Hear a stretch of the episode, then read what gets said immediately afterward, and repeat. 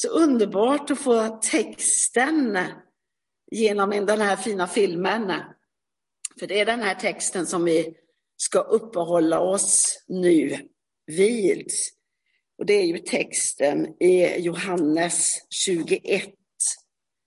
Den uppståndne och lärjungarna vid Tiberias sjö. Och vi har valt att kalla den här gudstjänsten, precis som Samuel sa, grillning på stranden eller påskens vittne. Jesus hade ju sagt till sina lärjungar att de skulle gå upp till Galileen. De skulle gå hem igen. Det var den instruktionen han gav efter han hade uppstått. Och Galileen är ju så vackert. Men det var, säkert, både, det var, det är både vackert för dem och det var också hemma. Det var deras hemmaarena. Deras resa, deras tid med Jesus hade startat i Galileen. Det var där de hade sett hur han gjorde under, hur han rörde vid människors liv, hur han helade, hur han befriade de fångna. Och så hade de fått följt honom från Galileen upp till Jerusalem, där de hade sett Jesus bli förrådd, fängslad, korsfäst och uppstått. De hade sett den tomma graven. De var så glada för kvinnornas berättelse, kvinnornas vittnesbörd förra söndagen. Och så hade de mött Jesus, men nu var de tillbaka hemma igen. Och jag vet inte hur du tänker när du har en text, så här en bibeltext. Jag tycker det är roligt att försöka fundera, ja, men hur kände de sig, lärjungarna? Vad tänkte de? Och vi vet ju faktiskt inte vad de tänkte där på stranden eller i, i, sin, hemma, i sin hemmamiljö. Kanske var de väldigt trötta. De kanske var helt slut. Det har varit så mycket, så mycket som hade hänt under de här tre åren. Och de sista två veckorna hade varit så otroligt intensiva för dem. De kanske var förvirrade. Vad skulle det bli av dem nu? Men kanske var de också väldigt stolta, glada över att de faktiskt hade sagt ett ja till Jesus och vågat att ge sig ut på den här vandringen i tre år. Vi vet inte vad de, det, står inte vad de kände. Det står inte vad de tänkte. Men det man vet, lite grann så här, det är att, att vi som människor, vi har alltid en längtan, att när, när det händer någonting omtumlande, när det händer saker i våra liv, när vi blir satta under press, då har vi en längtan att ta oss hem igen till trygghet. Eh, med barn är det så jättetydligt. Det kan ju vara så här att, att ett, ett barn blir plötsligt uppför sig väldigt mycket yngre. Så det blir litet igen, brukar man säga. Det regrederar när det, blir, när det har varit med om någonting som har varit otäckt eller någonting som förändrar mycket i barnets liv. Men vi vuxna, vi fungerar också så. Vi tycker det är skönt och komma på fast mark igen med våra fötter. Vi tycker det är skönt att komma hem där det känns tryggt och gott. Ibland kan vi också gå tillbaka till gamla vanor. Det behöver inte vara bra vanor, men det är lätt att man så att säga, man, man hämtar hem det där, där det sist var tryggt. Så det kan vara så att Jesus skickade hem dem så de fick komma hem där det var tryggt. Men så vet vi också att många av lärjungarna, de hade blivit försörjda utav utav gåvor. Det stod att kvinnor gav Jesus och lärjungarna pengar så de kunde så att säga försörja sig på det här viset. Men nu, nu behövde ju, det behövdes ju mat på bordet. Många hade ju familjer av dem.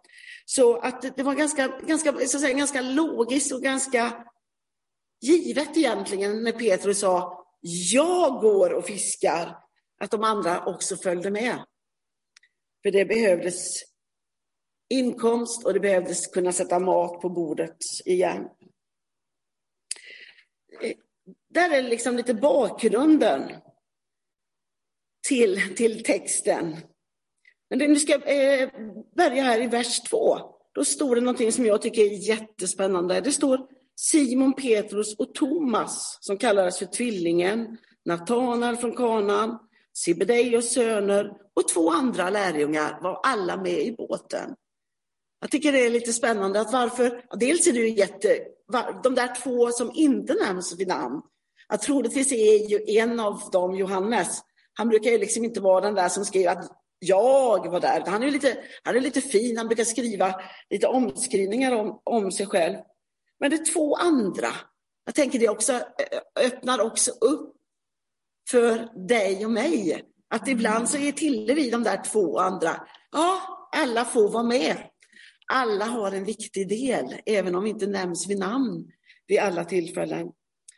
Men det finns en märklig ordning här. Simon Petrus brukade, han, det är ju inte konstigt att han står först. Han brukar ju också oftast nämnas i att han tillsammans med Jakob eller Johannes eller Simon Petrus tillsammans med Andreas, han var ju oftast först. Men det är nog bara i det här skriftstället som han och Thomas står först och att de står tillsammans. Och jag tror att det finns någonting som är, som är viktigt i att just de två nämns och att de två nämns i par. Eh, Petrus, den impulsive, den kloke, den starke. Och Thomas, vi börjar med Thomas tror jag. Thomas kallar ju Bibeln för, för tvillingen. Vi som efteråt, jag ger Thomas tillnamnet tvivlaren, men det är inte så Bibeln nämner honom. Och det är frågan om det egentligen är så han egentligen ska kommas ihåg som tvivlaren. Men för Thomas hade ju så mycket jag tror att han var reflekterande. Han funderade säkert. Och det är tack vare Thomas att han vågar fråga de där frågorna som gör att också vi har fått svar som vi inte skulle vilja varit utan i evangeliet. Thomas hade ett mod. Han sa vad andra tänkte. När Jesus berättar att han ska gå upp till Jerusalem i Johannes 11 så försöker de andra lärjungarna avråda honom. Man tycker inte det är en så bra idé att han ska gå dit, för de säger att du kommer ju dö där. Men Jesus, eller Thomas, han säger, ja men låt oss då gå upp och dö tillsammans med honom. Han satte ord på ett mod. Han var tydlig och vågade säga det han stod för, det han tänkte. Eh, när Jesus har avskedstalet, och det är säkert jätteladdat, vi känner nog till avskedstalet, det, det, det är många saker som är så viktiga där. Och när Jesus säger, och vägen dit jag går, den känner ni. Då sitter säkert de andra lärjungarna och säger, mm, mm, det känner vi. Men Thomas vågar ju säga, Herre, vi vet inte vart du går. Och hur ska vi då känna vägen? Visst är det underbart? Herre, vi vet inte vart du går och hur ska vi då kunna veta vägen? Och om inte Thomas hade vågat sagt den frågan, då hade vi inte hört svaret. För då säger Jesus, men jag är ju vägen, sanningen och livet. Och den meningen vill vi ju inte vara utan. Så heja Thomas för sitt sätt att fråga frågor. Vi behöver nog ha mer i våra mitt utav att våga fråga bra frågor, kloka frågor. Det som vi gör att vi tycker att Thomas kanske var en tvivlare, det är väl kanske det som händer i slutet. Han är inte med på påskdagen. Var han är, det kan man ju undra. Han kanske håller på att fippla med någonting eller är, är så nere. Vi vet inte var Thomas befann sig. De andra lärjungarna, han, han, han, det här är ju hans kompisar, han har ju vandrat med de här lärjungarna i tre år. De, alltså, han vet ju vad de här grabbarna går för och kvinnorna. Men när de då säger att vi har mött den uppståndne Jesus, så säger han, ah, jag tror inte på det förrän jag själv har sett det, förrän jag har stuckit fingret i hans sida, eller fingret i hans, i hans eh, händer och handen i hans sida. Och Jesus är ju så god mot Thomas. Så nästa gång Jesus kommer, som den uppståndne Herren, så säger han Thomas, kom, fram med handen och fram med fingret. Du får lov att känna, du får lov att få det bekräftat. Lite högmodig kanske Thomas var. Han kanske litade så mycket på vad han, hans eget sätt att ta till sig tron, ta till sig verkligheten.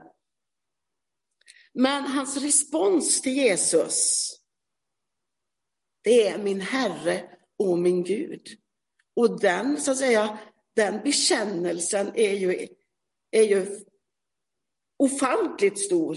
Det är ju inget tvivel i det. Men han behövde själv få möta Jesus. Det räckte inte med vad andra sa. Och Jesus tillrättavisar honom inte, men han säger ju också det här, saliga ni som inte ser men ändå tror. Och där får vi ju vara med och känna, ja vi har inte sett, vi har inte haft möjligheten och fysiskt stoppat fingret i, men vi tror på det som är berättat. Och då finns det en salighet för oss i det. Så det var den som skrev Johannes evangeliet, Johannes, lärjungen som Jesus älskade, tyckte det var viktigt att få berätta att just Thomas var med i båten. Och så tyckte han att det var viktigt att få berätta att Petrus var med i båten. Petrus, som ifall han skulle komma och sökt jobb idag på en firma, hade haft ett sånt härligt CV. Han hade kunnat skrivit att han var handlingskraftig, stark, bra kris, så att säga. Han, fick, han, så att säga, han skulle, är lösningsfokuserad. Han har kunnat skrivit så mycket bra grejer och vi hade sagt att ja, du ska ha jobbet på en gång. Men vi vet också att han, han hade en impulsivitet ibland som både var bra och som också kunde sätta honom i en del svårigheter. Men Petrus fanns med som en viktig del i lärjungarnas ledarskap redan under vandringen. Och det var Petrus som försökte lösa situationen i ett semane med sin egen kraft.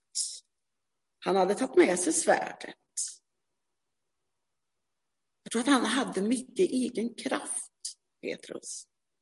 Han hade mycket att förlita sig på och han använde sig av den.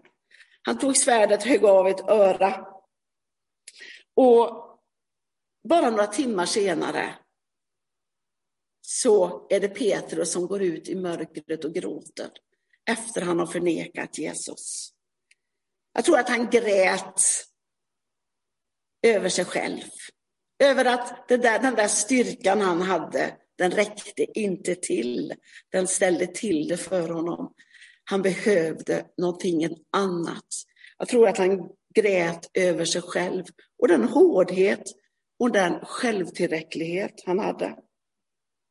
Och det är de här två, Petrus och Thomas, som eh, Johannes tycker är viktigt att få berätta om. Just de här två och några till är med i båten. Och de ger sig ut och fiskar och Jesus står där på stranden. Han hade redan fisk, så han var nog inte så beroende av deras fångst. Utan han hade sin fisk och han hade en eld och bröd. Och så står han där och så ropar han, mina barn, har ni fått någon fisk? Nej, det hade de ju inte fått. Och då säger Jesus, kasta ut näten på högra sidan. Och de följde den instruktionen. Jag tänker Petrus och några av de andra som var med i det där första tillfället som nämns i Lukas femte kapitlet. De måste känt igen situationen, för det var väldigt, väldigt snarlikt. En hel natt fiske, ingen fångst. Jesus kommer på morgonen och säger, vi kan väl, eh, jag behöver båten så jag kan predika från. Och sen då så är det trött, sliten, irriterad Petrus som när Jesus säger lägg ut den igen, lägg ut näten igen, svarar, ja men vi har ju varit ute hela natten. Han tänkte väl säkert, vad kan en, vad kan en snickare om fiske? Men han gör det. Och det kommer, den situationen när, då, när då fångsten blir så stor, det leder till att Petrus börja tro. Och det leder också till att Petrus och de andra blir kallade, inte till att fiska fisk, utan till att fiska människor, att bli människofiskare. Så den här scen, de här två scenerna, de vävs ihop på något sätt. Det är samma miljö, det är samma fiskevatten och det är samma under som sker. Så det är klart att de måste blivit påminda om den kallelse de hade. Det började i Galileen, de togs vidare till Jerusalem, men nu var de tillbaka i Galileen. För kanske också för att, som vi kan läsa senare i texten, för att ge sitt gensvar att jag vill än en gång följa dig. Petrus, han blev ju så glad. Han hoppar i vattnet. Han gillar att hoppa i vattnet den här karln. Så, och, och, så springer de upp då. De drar näten upp på stranden. Och där finns det två saker som på något sätt måste ha förvånat dem. De är förvånade över att det är så många fiskar och de är förvånade över att näten höll. En del, det finns en vacker tolkning om att 153 fiskar stod för det då kända antalet fiskar i, i den tiden. Och att man då tänker så här, ja det kanske handlar om, om att det, det här innebär att alla stammar, alla folk skulle kunna vara representerade. Jag vet inte om det är så, men det är vackert i alla fall. Men det vi vet var att näten gick inte sönder och att man fick mycket fisk.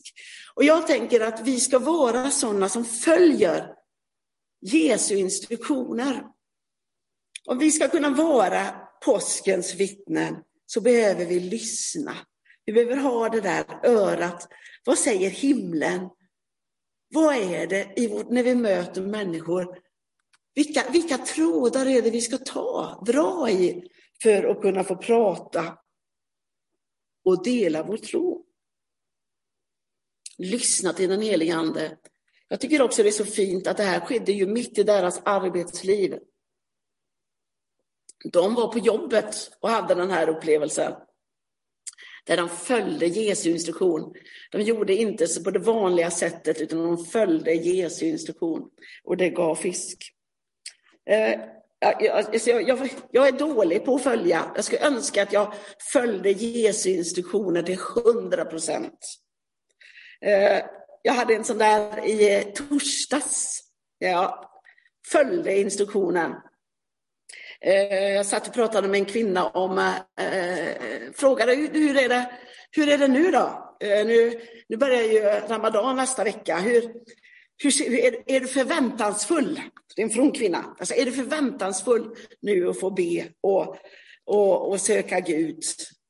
Ja, och så bara den där, det var, den där lilla instruktionen om att knyta an till hennes ramadanfirande. Det öppnade upp till ett helt ljuvligt samtal om hur, om, om hur min bön fungerar. Och det jag tror att Gud ger oss små, små signaler hela tiden genom den helige Ande hur vi ska kunna tala så att vi får ingång i människors hjärta. Men vi behöver det så mycket mer. Vi behöver ha lyhördhet och vi behöver ha det där modet att vi också gensvarar, att vi inte är rädda för att lägga handen på din kollega som har någon krämpa. Du är inte rädd för att dela med dig om du får en tanke som du kan tro är ett tilltal ifrån Gud. Utan Gud behöver hjälpa oss att vi får leva i den här, i den här, hen, den här lyhördheten. Vi ber tillsammans för det. Ja, Jesus, jag bara tackar dig att att du ger oss instruktioner och du vill ge oss instruktioner hur vi ska kunna vara dina vittnen i vår vardag. Jag tackar dig Herre för, för de, de erfarenheter vi har när det har funkat för oss. När vi vet att du gav oss en tanke, vi lydde den och vi ser ett resultat. Jag tackar dig Herre att du vill också på mycket, mycket mer sätt låta oss få gå vidare i det, växa i det. Oavsett om vi går i skola, om vi är hemma vid eller om vi är i ett arbete. Så tackar jag dig för att vi ska bli mer vana, mer beroende av dina instruktioner i vår vardag. För vi vill vara dina vittnen, vi vill vara människofiskare. Vi vill att många ska få lov att möta dig som den uppståndne Herre. Det är vår längtan. Men Herre, fyll oss, hjälp oss, ge oss det vi behöver för att gå din väg och följa de instruktioner du ger i vårt dagliga liv. Så sa Jesus, kom och ät. Ingen vågade fråga honom vem han var, för de förstod att han var Herren. Och Jesus gick fram, tog brödet och gav dem och likaså fisken. Det blev en helig tystnad där tillsammans med Jesus. Ingen sa någonting. Man blev tyst. Den där stunden med Jesus i helighet. En liten stund med Jesus. Den kan förändra allt.